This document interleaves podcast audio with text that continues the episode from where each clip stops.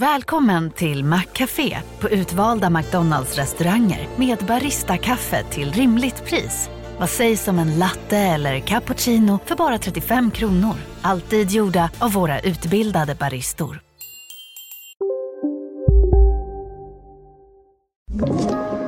Podplay.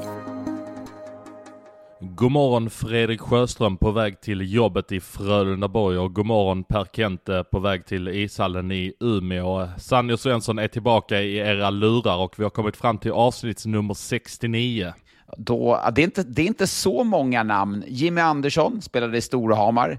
Stefan Varg när han var i Malmö under en kort period. Han var en lång period i Malmö, men han hade 69 under en kort period. Niklas Bäckström, det kanske inte många känner till, men han var faktiskt i Dynamo Moskva 2012 under en lockout i NHL och han gjorde 25 poäng på 90 19 matcher. Ja, och sen så var det ju någon som slängde in Trum-Jocke i Oskarshamn och jag vill nämna Trum-Jocke för han har ju haft en nyckelroll i Oskarshamn, Oskarshamn under den här säsongen får man ändå säga som de har eldat på där på läktaren.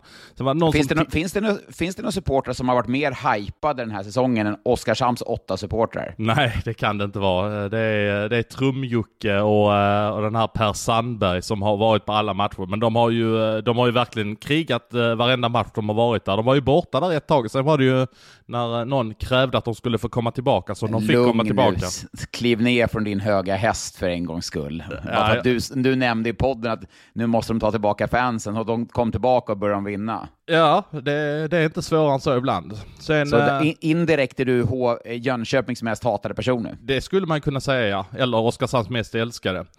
Eh, sen var det ju någon som tipsade om någon eh, lirare där som heter Puma Swede, men jag hittade inte den individen på Elite Prospect, så jag, jag antar att det där inte var någon hockeyspelare. Eh, men vi avslutar även med kanske den mest kända 69an vi har i SHL och det är ju naturligtvis Oskar Alsefelt, en av eh, SHLs absolut främsta målvakter under hela 10-talet får man säga.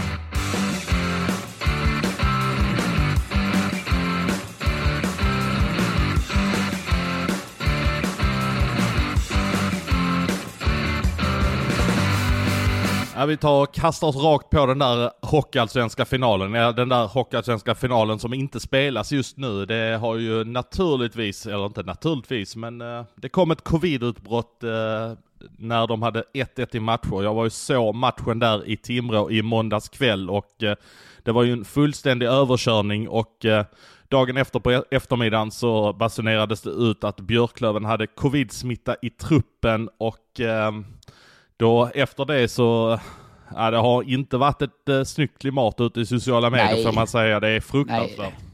Nej, det är ju helt sjukt. Alltså, det känns ju som att folk har ju spårat ut totalt i den här uh, än så länge korta matchserien. Jag undrar vad den här ska ta vägen. Det känns ju som att jag tyckte ändå att Björklöven kändes som de var ur balans inför matchserien där när de liksom skulle skälla ut domarna, både Kente eh, och Wallson, efter man har vunnit då mot Karlskoga.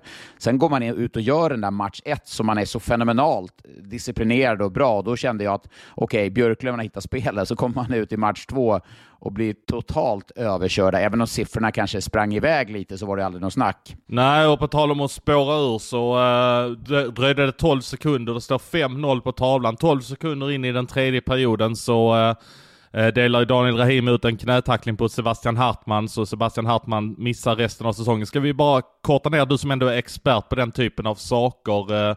Vad tycker du om Rahimis smäll? Vi ska ta den andra också, men vi börjar med Rahimi.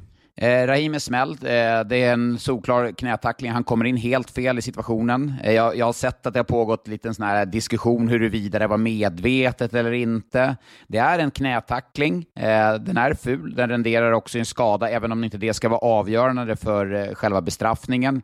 Men om vi jämför med liknande situationer som vi har sett eh, de senaste åren så ligger det ungefär i tre till fyra matcher, så att, eh, det var ganska väntat. Jag, förvånad att Rahimi sätter sig i den situationen, för jag vet, han gjorde det mycket tidigt i sin karriär, när han var liksom jagade situationen, när han var frustrerad. Jag tycker de senaste åren har han polerat upp sitt spel mycket, mycket bättre. Men det här var en handling av frustration eh, från Rahimis sida och det förvånade faktiskt i den här typen av matcher, den digniteten som de ändå är har Sebastian Hartman noll ansvar i den situationen. Jag såg också att någon form av sådan debatt har blossat upp. Han ändrar riktning eller liknande. det är alltid när det är knätacklingar så det är regel att en spelare ändrar riktning, man hoppar undan eller någonting. Jag brukar alltid försöka se var skulle axeln, om inte Hartman hade hoppat undan, vad skulle axeln då som är den som Rahimi ska tackla med, vad hade den träffat?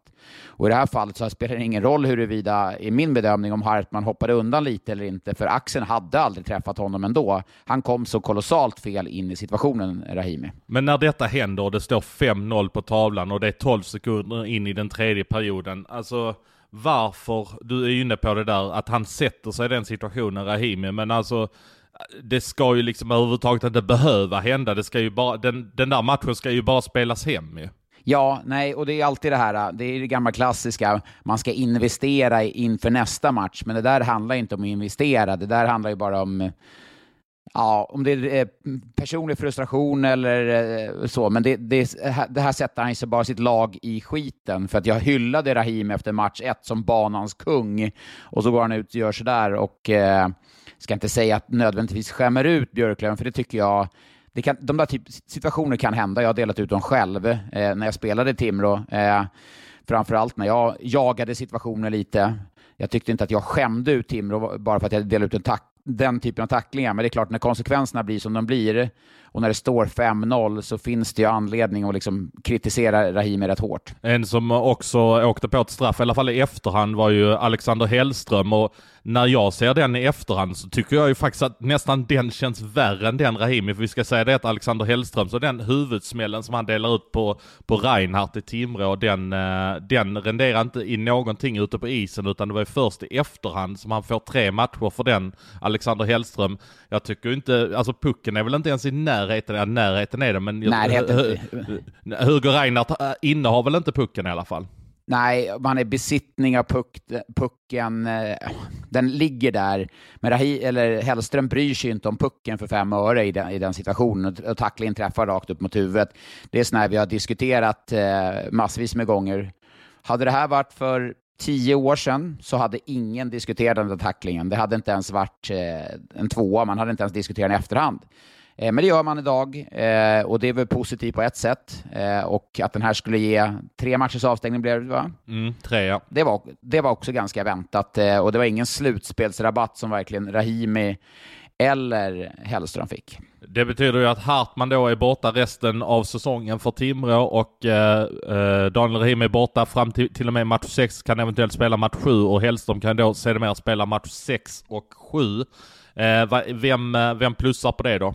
Hartman, jag tyckte Hartman var eh, Timrås bästa spelare i match 1. Det är klart att det är ett enormt avbräck, men någonstans så känner jag ändå, med tanke på de skador och eh, avbräck de redan har på backsidan, så och, och, och bli av med en sån som Daniel Rahimi och till viss del även Hellström, som är en spelare som som är rätt tuff och jobbig att möta. Matcha dem, någon av de två mot Dalen. Det, det är klart att Dalen får smällar av dem, om man säger så. Eh, så att jag, svårt att säga, men det är klart att Björklöven blir rejält försvagade. De har ju satt sig i situationen på e-, eget, på eget grepp, om man säger så. Men Timrå och Hartman är ju nyckelspelare för dem. Men de har ändå en rätt bred offensiv, tycker jag, Timrå. Ja, men det är ju snarare så Björklöven, de har ju lite problem. Belov har ju varit utanför truppen av disciplinära skäl, har väl varit ute och svirat på nattklubb och haft sig eh, Eronen. Finns det natt, vadå nattklubb? Det finns väl ingen, det är dagklubb eller? Ja, ja, ja, ja, det är väl det. nattklubb, det är, det är en svunnen tid. Ja, exakt. Nej, men han, han hade väl varit ute på någon eh, form av lokal i eh, Umeå och eh, hade väl eh, upptäckt så det, då hade de ju gjort någon form av disciplinär åtgärd på honom och eh, sen är det väl så att Eronen är väl inte heller helt hundra. Så att de, eh, de sitter ju ganska tunt på backsidan. De har väl Adam Plant, de har Norbe, de har Zach Palmqvist, de har Kalle Johansson och de har Alexander Deilert utöver det så att de får ju ihop folk och, och då kan man väl ändå konstatera om nu Teemu Eronen inte är helt hundra så eh, vinner väl Björklöven i alla fall lite tid här nu när de har fått, eh, eller de har ju åkt på ett covidutbrott här nu så att de, de får någon vinst av det så att säga, i alla fall av vilan. Ja, då, då vill jag bara förtydliga där, för jag har läst också att det har varit så här, ja, perfekt för Björklöven att få ett covid-utbrott nu, att det liksom det där ja, men, det, men det, är ju aldrig, det är ju aldrig bra för ett covid-utbrott, så är nej, det ju. men alltså, nej, att, mer att det är så här att de fejkar har jag läst, att det är liksom konspirationsteorier, bara lägg ner det snacket. Liksom. Jag, sånt orkar jag inte med. Och jag tycker att det är det jag är inne på, det är så mycket skit i den här serien. Och det känns som att, inte nödvändigtvis att du har triggat upp det, Svensson, men alltså det känns ju som att var du utanför när det skulle kasta stenar utanför eh, Timrå, eller vid bussen där vid Björklöven? För det, det, läste jag nämligen i tidningen, att, att det var Björklövens buss skulle bli stenad av Timrå-supportrar, några galningar, och Timrå-supportrarna skämde ut sig. Vad var det? Du var ju där, eller vad var det som hände? Ja, exakt. Jag stod ju och väntade på, jag stod och väntade på Daniel Rahimi för jag ville ha en kommentar. Eh, och så är det då intervjuer sker utomhus och så munskydd och hela köret så att säga. Och där på den trappan som är, du, du vet ju själv hur det ser ut där utanför eh, gamla ja, Timrå isstadion. Där man sprungit och hoppat i den där för är den kvar den trä, är den fortfarande en trätrappa? Jag vet inte om det är en trätrappa, jag har aldrig sprungit i den i alla fall. Nej, men jag vet vilken trappa, den är ju precis utanför omklädningsrummen. Ja, men där bortalaget går ut och, och på mm. den trappan så, så satt ju lite Timrå-anhängare. Eh, ganska välkända lät det som eh, på, eh, på Timrås säkerhetschef som var utanför också och kontrollerade läget, såg till så att Björklöven skulle komma iväg och sådär. Och då satt de där och Björklöven hade ju sina matlådor och sådär och satt och käkade dem på trappan och de här anhängarna var ju precis bredvid och då var det ju inte speciellt livat. Eh, utan de markerar sin närvaro, eh, sjöng lite Timrå-ramsor. Jag tror ju inte att de här eh, personerna är Guds bästa barn. Det är bara min hypotes eh, med tanke på vad Timrås säkerhetsansvarig sa att han hade väldigt bra koll på vilka det var. Eh, men sen när Björklövens buss började backa ut eh, för att ge sig iväg så gick, bestämde de sig för att gå ner och så fäktade de lite mot bussen. Och alltså vadå fäktade? Vadå fäktade? Nej men, nej men de gick och eh, de fäktade lite med, med nävarna och uh, klappade lite och, och ja, jag vet ja. inte hur jag ska beskriva det, men de fäktade lite med, med armarna mot bussen. Och då var det en men person som... Men hade de stenar i händerna när de fäktade? Nej, hade de, stenar de hade inte, nej, de hade inte stenar i händerna. Det var ju någon som böjde sig ner på marken och då var alltså Björklövens buss helt stillastående. Och de var, jag skulle bedöma att de var kanske 12-15 pers kanske. Om vi säger så här, om det hade varit någon som hade vräkt ifrån sig en sten mot den bussen så kan jag ju garantera att de 15 personerna hade fått springa rätt ordentligt för hade det sprungit ut 25 väldigt arga hockeyspelare och eh, jagat dem rätt ordentligt, tror jag i alla fall. Okej, okay, men så att eh, då kan du säga med säkerhet att det, alltså, upp, kan någon ha uppfattat det hotfullt i Björklöven då? Alltså kan alltså, de uppfatta det hotfullt? Ja, de kan ha uppfattat det hotfullt, men det som jag ändå reagerar på är att hade det nu varit en grej så hade de väl ändå gjort lite mer väsen av det när det hände. De kom iväg på E4 och det var, alltså jag har sett supportrar stå och hänga utanför omklädningsrum förut. Jag, jag vet själv Du har ju att själv hotat nej, spelare. Nej, ja, det har du ja, visst gjort. Ja, du har ju hotat ju stackars mina egna, Hammarström. Mina egna ja. Nej men, nej men jag vet att det har stått grupperingar utanför omklädningsrum tidigare och det Visst man kan uppfatta det som hotfullt men jag skulle säga att det här läget hade Timrås säkerhetschef faktiskt en järnkoll på. Han hade så total koll på de som satt där, visste vem varenda en var och ingenting var på väg att hända. De skulle markera sin närvaro lite grann och Timrå-spelarna var ju längre bort på den långsidan och jag såg att Jonathan Dahlén var där också. Då peppade de honom lite och när han gick förbi. Så de, de ville väl markera lite närvaro men det var absolut ingenting som hände. Men hade det hänt någonting, hade du kastat det på tangenterna och skrivit då? Alltså om, det, om de hade stenat bussen, då hade du tagit kort och kastat det på tangenterna eller? Ja, alltså jag hade ju definitivt kameran uppe för om någonting skulle hända. Uh, och, uh, och, det märkte väl säkert de personerna som, som höll på där också, för de såg ju att jag var på plats. Jag stod stod ju ganska nära bortalagets omklädningsrum så jag hade väl en uppsyn på en 75-50 eh, meter någonting. Eh, bort mot där de var så att säga, när de började gå mot bussen. Men det är klart att hade det hänt någonting, eh, mitt journalistiska hjärta tänkte, ah, nu kanske man springer på någonting här. Eh, och liksom, och som jag sitter ensam på nyheten eller någonting. Men sen hände ingenting så att eh, då var det ju bara konstigt. Jag sa till dem inne på Sundsvalls tidning att eh, ni, missade, ni missade det på eh, parkeringen. De bara vadå, vadå? Äh, det var ingenting sa jag. Det var, det var lugnt. Det är april, vår och dags för heta lir både på hockeyisen och ute på travbanorna. Vi tipsar om vilka hästar, lag och spel som är hetast just nu. Och det finns mycket att välja mellan. Så kolla in Boxplay på Expressen.se. Där lägger Julia Björklund, Sandra Mårtensson, jag och Challe våra tips inför helgens lir. Jajamän Foppa! Och för de senaste nyheterna i hockeyvärlden, gå in på atg.se sport. Du måste vara över 18 år för att få spela. Vid oro för spelproblem, besök stodlinjen.se. Men vi lämnar det där. Om den här serien då, vad, vad, vad ser du framöver när den väl drar igång? Eh, vad, vad händer? Kommer det liksom eskalera det här? Det känns ju som att mycket av matchen kommer utspelas i media de kommande dagarna, känns det som. Det, jag bara får den känslan. Ja, ja jag får jag också den känslan jag har där. Nej, jag, jag får också den känslan att det pågår någon, någon form av kallt krig där det kommer lite knivhugg till höger och vänster känns det som. Jag vet inte om det är planterat åt något håll, men eh, jag hoppas verkligen att det lugnar ner sig och att de eh, kan börja spela om det för att eh, 1-1 i matcher och eh, det hade varit intressant att se vad Björklövens nästa drag är efter att ha torskat med 7-0 och de har ju trots allt, hur man än vänder och vrider på dem, torskar ja. med 7-0 men de har ju ändå hemmaplansfördelen Björklöven nu och har två raka hemmamatcher och har chansen att gå upp till 3-1 i matcher. Eh, så att eh, det, eh, det är ju det jag ser fram emot mest när de väl sätter igång. Ja, vi får hoppas att de spelarna som är sjuka med covid, att de tillfrisknar, kan återuppta serien och att det avgörs på isen och inte massa jäkla, liksom, väx upp allt folk. Och det är det här jag menar, jag var inne på det här med raketer, folk skrattade tyckte jag var hur töntig som helst. Men det är någonstans här det landar liksom att, ja, men vad är nästa steg? Ska man åka hem till spelare, knacka på mitt i natten? Alltså du vet, Alltså ska du hota folk? Ska du, vilket, vilket steg ska du ta det? För ju mer man eldar upp det här, ju galnare blir ju folk. Och det, jag menar, det ser du bara de här efter eh, matchen senast, hur, hur vissa människor betedde sig på sociala medier. Det är liksom vuxna människor också. Ja, nej, det är, det är läge och att, eh, att vi någonstans alla backar tillbaka känns det som och att vi eh, vi låter det här vara som det är nu och så ser vi fram emot match tre när den nu spelas. Och det har ju ännu inte blivit eh, några hotfulla eh, rubriker eller stämning runt semifinalerna. Det, det kan väl bara se fram emot eh, härliga bäst av fem-serier. Och jag, den, jag, om vi, den jag ser fram emot mest, just underhållningsmässigt, så tror jag att Rögle mot Skellefteå kan bli, det kan bli riktigt bra.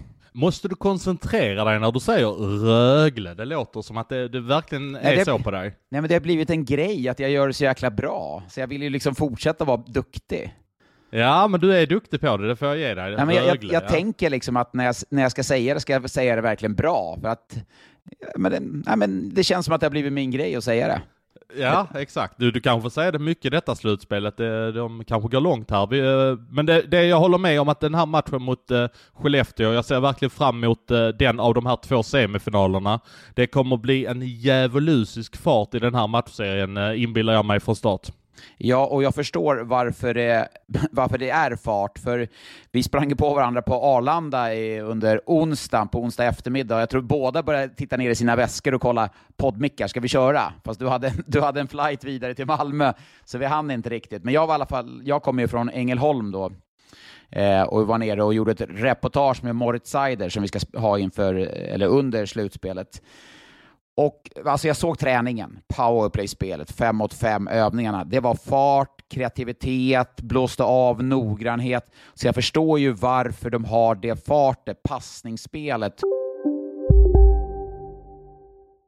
Vi är specialister på det vi gör, precis som du. Därför försäkrar vi på Swedea bara småföretag, som ditt. För oss är små företag alltid större än stora och vår företagsförsäkring anpassar sig helt efter firmans förutsättningar. Gå in på swedea.se företag och jämför själv.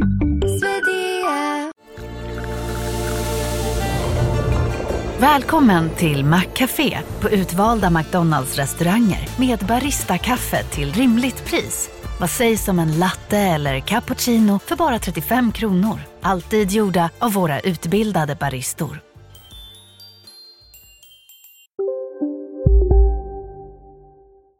Och ja, varför de faktiskt utklassade Frölunda i kvartsfinalen.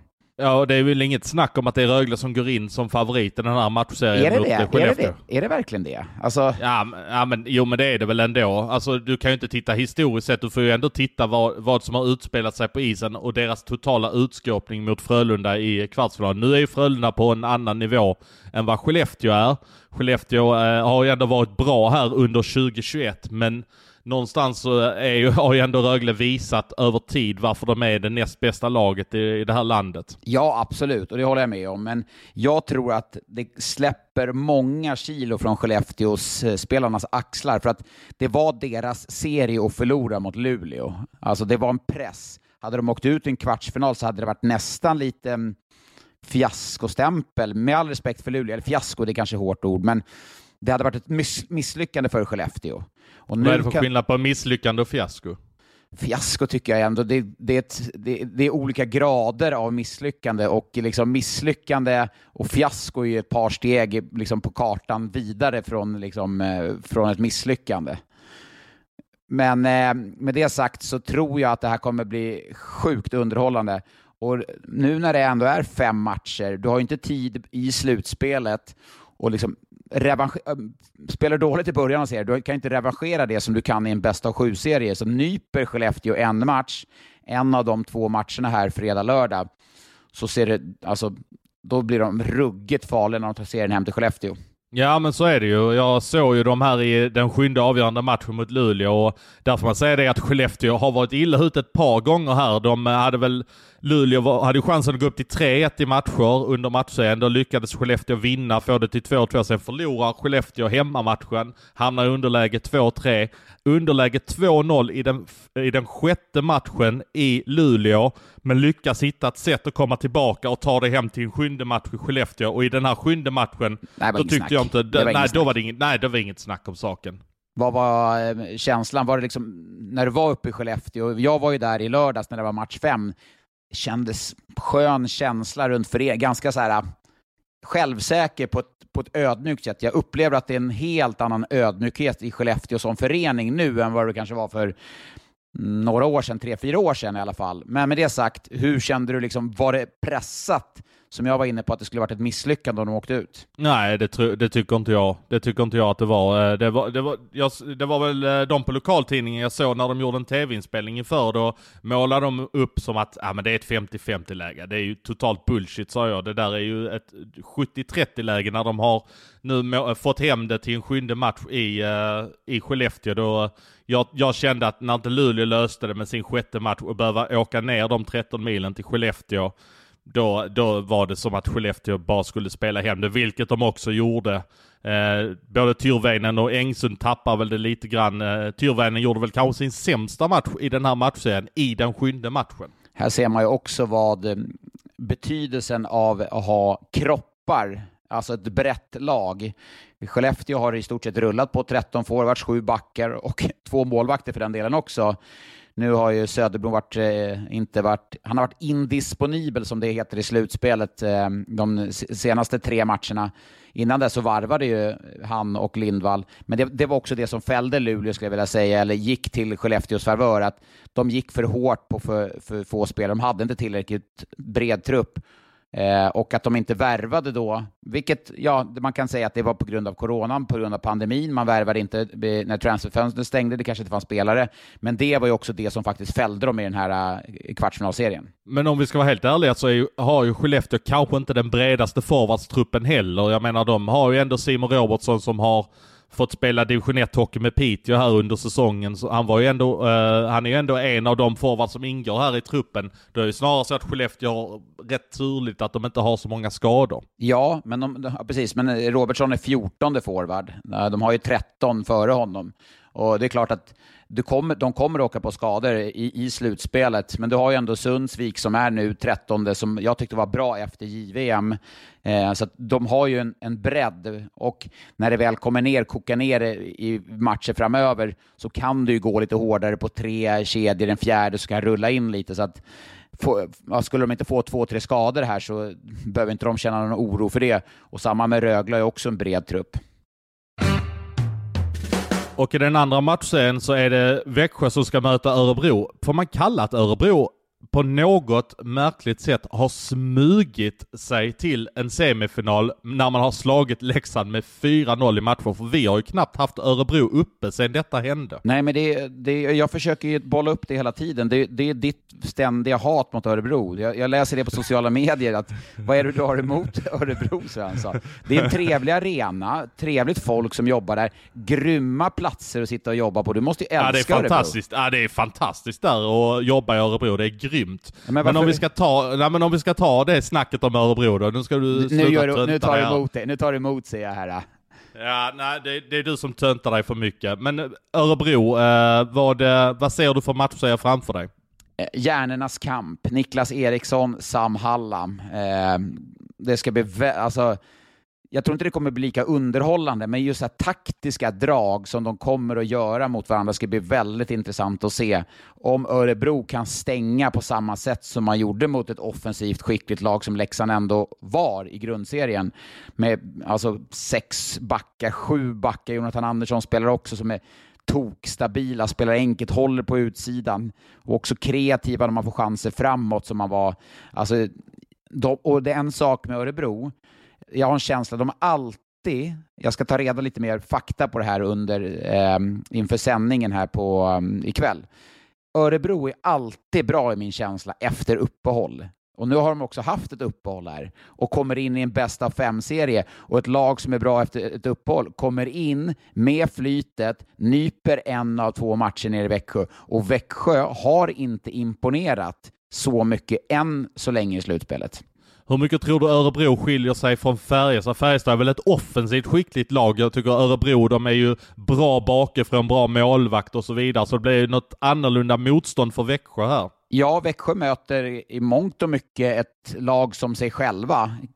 Jag Örebro har inte lika mycket offensiv skicklighet eh, som, eh, som Växjö har. Men strukturen och systemet, alltså hur man är trygga i defensiven. Eh, Örebro vänder spelet lite snabbare än vad Växjö gör. Men ganska lika lag, vilket gör att det kommer bli ganska mycket taktiska drag och små förändringar av matchbilder. Där jag håller Sam Hallam kanske som, eller kanske, där jag håller Sam Hallam som den bästa taktikern i eh, Sverige. Och då vinner Växjö detta eftersom det blir en taktisk kamp, eller?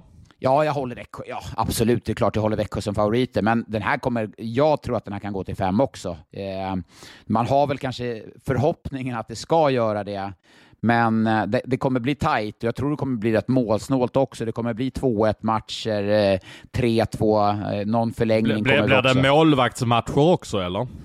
Ja, Enroth har ju varit bättre här, eller bättre, han har varit bra på i slutskedet av säsongen och eh, också bra i slutspelet eh, de matcherna han stod innan han ådrog sig en skada. Men nu ska han också vara tillbaka och det är ju grymt viktigt för Örebro att han spelar. Tror du att Arntzen och Källgren hade stått om det hade varit sju matcher-serier för, Nej, eh, för... nej. Det hade de inte. Nej, alltså fast stod ju, jag menar mot Färjestad, det var ju sju matcher serie och det var ju eh, Ja, men den gick ju bara till fyra menar jo, jag men, då. men precis. Men det var ju lördag, söndag, eh, tisdag, onsdag. Det var, de fyra matcherna var ju de som var intensiva. Sen var det mer luftigt schema och jag menar fast stod de fyra.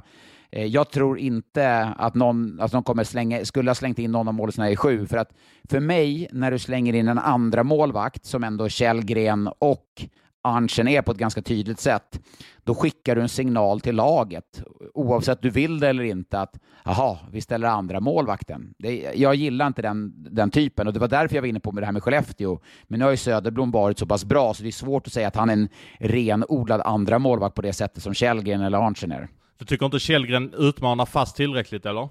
Alltså jo, men fast är för bra. Fast är ju den bästa målvakten. Alltså, så att, eh, det är klart att han har utmanat honom bra, men inte tillräckligt bra eftersom Fast är, har varit så fruktansvärt bra den här säsongen. Vad tycker du om Erik Källgren? Är det förhör här eller? Ja, nej, jag bara är nyfiken. Vad tycker du om Erik Källgren? Ja, men han, spelar, han har spelat bra. Lugnt och stabilt, tryggt. Eh, Jag tycker han har studsat tillbaka väldigt bra efter den tuffa inledningen han fick i fjol i Växjö när han sen varit utlånad till Finland och gjorde det bra där och kommit tillbaka. Och inledningsvis så var det ju eh, faktiskt jämnt skägg mellan Fast och Källgren, men Fast har eh, på ålderns höst Eh, jag tror den, liksom, den revanschlustan som vi varit inne på i podden tidigare och den här känslan att jag ska vara målvakten som tar laget till SM-guld. Och det var han inte senast eftersom han fick en skada där mot Malmö i semifinalen när Växjö vann guld 2018. Vad tror du om eh, Erik Källgren att utmana Niklas Rubin nästa år? Va? Ska han dit? ja, det är därför jag pratar så mycket Källgren. Jaha, är han på gång, är han på gång till Frölunda? Ja, vad jag hör så är han eh, mer eller mindre klar för Frölunda. Jag, jag tror till och med det är klart. Eh, det blir nog klart här i dagarna. Men det är väl, det är väl en klockren värvning ändå, måste jag väl säga. Mm, ja, jag tänkte jag skulle överrumpla dig lite med det här nu och känna vad du, vad, vad du tänker om, eh, om det. Nu kommer han ju ersätta då Johan Mattsson som eh, försvinner till eh, Dynamo Riga. Så det blir ju Rubin och Källgren som ska gå i Frölunda nästa säsong. Intressant. väldigt intressant. Det här jag älskar med poddarna när man inte, när man liksom bara slängs mellan, jag tänkte, vad tycker du om Källgren? Jag tänkte, vad är det här för förhör liksom? Vadå Källgren? Är det någon Källgren-podd eller? Men nej, det ska bli intressant att se, för att det ska man också ha eh, stor respekt för, att eh, det är en helt annan sak att spela bakom Växjös försvarsspel mot vad det är att spela bakom Frölundas försvarsspel. Eh, du får mer tuffare, tuffare lägen mot, mot Frölunda än vad du får i Växjö, så det, det kommer bli en helt annan utmaning så tillvida inte Roger Rönnberg ändrar sitt spelsätt till nästa år, vilket det säkert förs diskussioner i Göteborg för att kalibrera och bli bättre nästa år.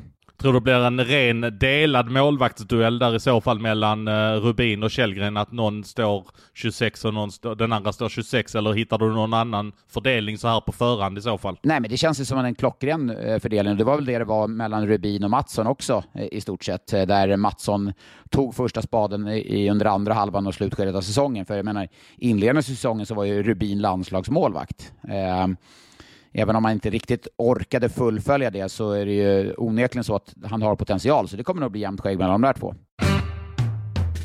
Ja, på tal om silly season eh, så rullar det ju på lite grann både i SHL och Hockeyallsvenskan. Jag var lite imponerad när jag såg vad eh, Västerås eh, slängde fram i Hockeyallsvenskan när Daniel Gunnarsson då bröt sitt kontrakt på dagen med Leksand och senare på eftermiddagen presenterades han för Västerås som då har plockat in Daniel Gunnarsson från Leksand som är en eh, SHL-mässig back har varit bra de här två säsongerna ja, tycker jag. Jag tycker nästan han, den här säsongen kan han ha gjort kanske sin bästa, han var, jag tyckte han var bra i Luleå också innan han gick till Färjestad, men eh, kan ha gjort sin bästa säsong i karriären. Så att det är liksom inte, han är inte over the hill och ska varva ner med Västerås, så känns det verkligen inte.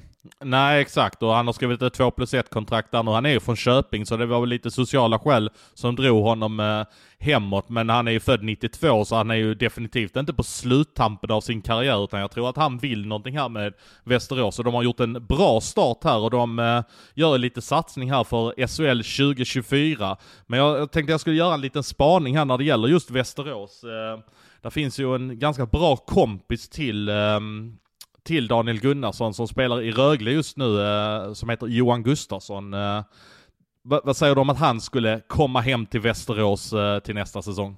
Ja, nej, alltså det känns ju som att, ja, varför inte?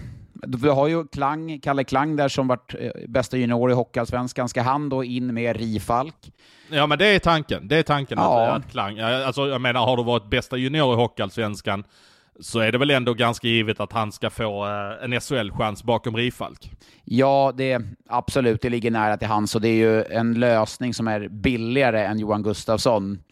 Ja, ans ja den, är fan, den är intressant ändå, för då känns det som man får liksom fina sista år på något sätt. Han är från Köping också, men i sin hemstad någonstans, Västerås, där karriären verkligen tog fart.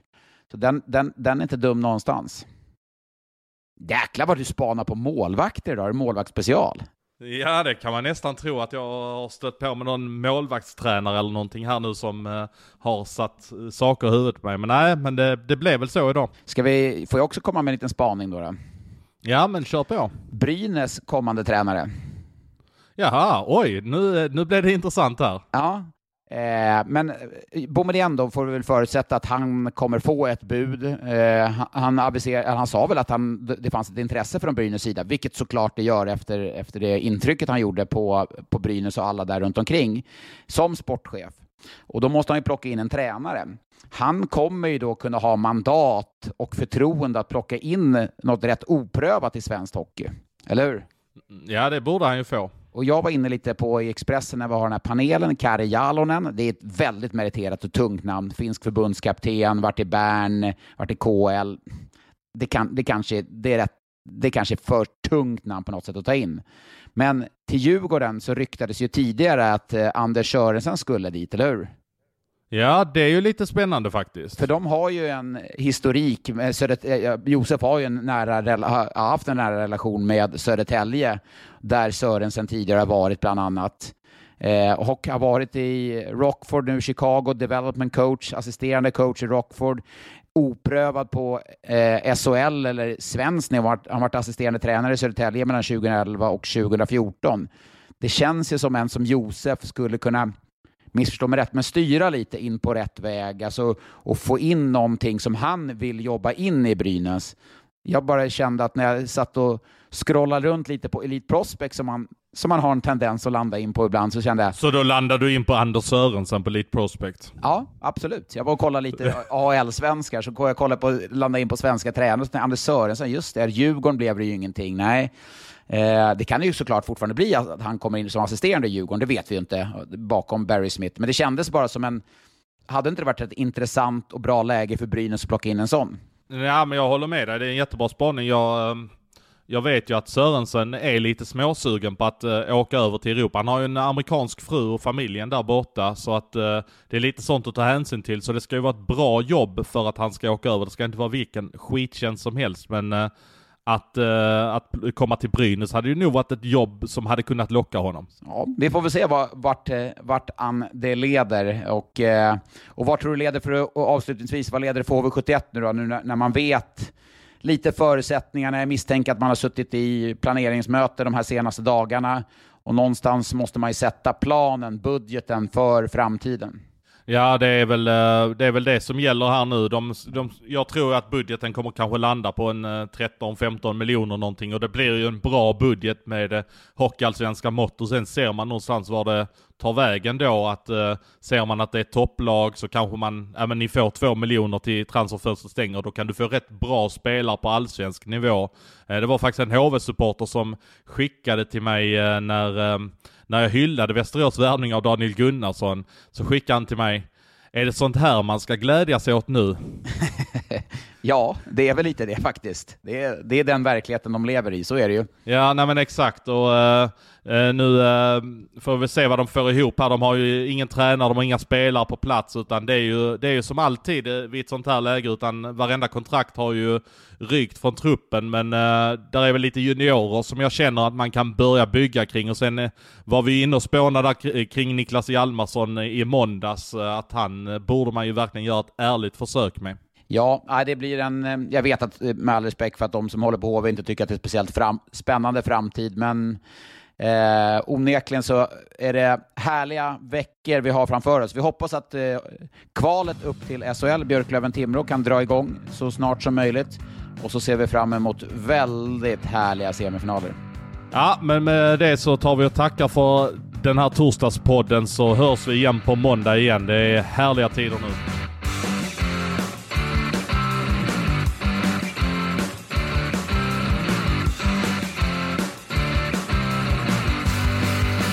Du har lyssnat på en podcast från Expressen.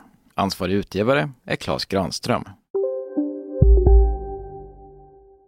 Hej, Susanne Axel här. När du gör som jag och listar dig på en av Krys vårdcentraler får du en fast läkarkontakt som kan din sjukdomshistoria. Du får träffa erfarna specialister, tillgång till lättakuten och så kan du chatta med vårdpersonalen. Så gör ditt viktigaste val idag, lista dig hos Kry. En nyhet. Nu kan du teckna livförsäkring hos Trygg-Hansa. Den ger dina nära ersättning som kan användas på det sätt som hjälper bäst. En försäkring för dig och till de som älskar dig. Läs mer och teckna på trygghansa.se. Trygg Hansa. Trygghet för livet.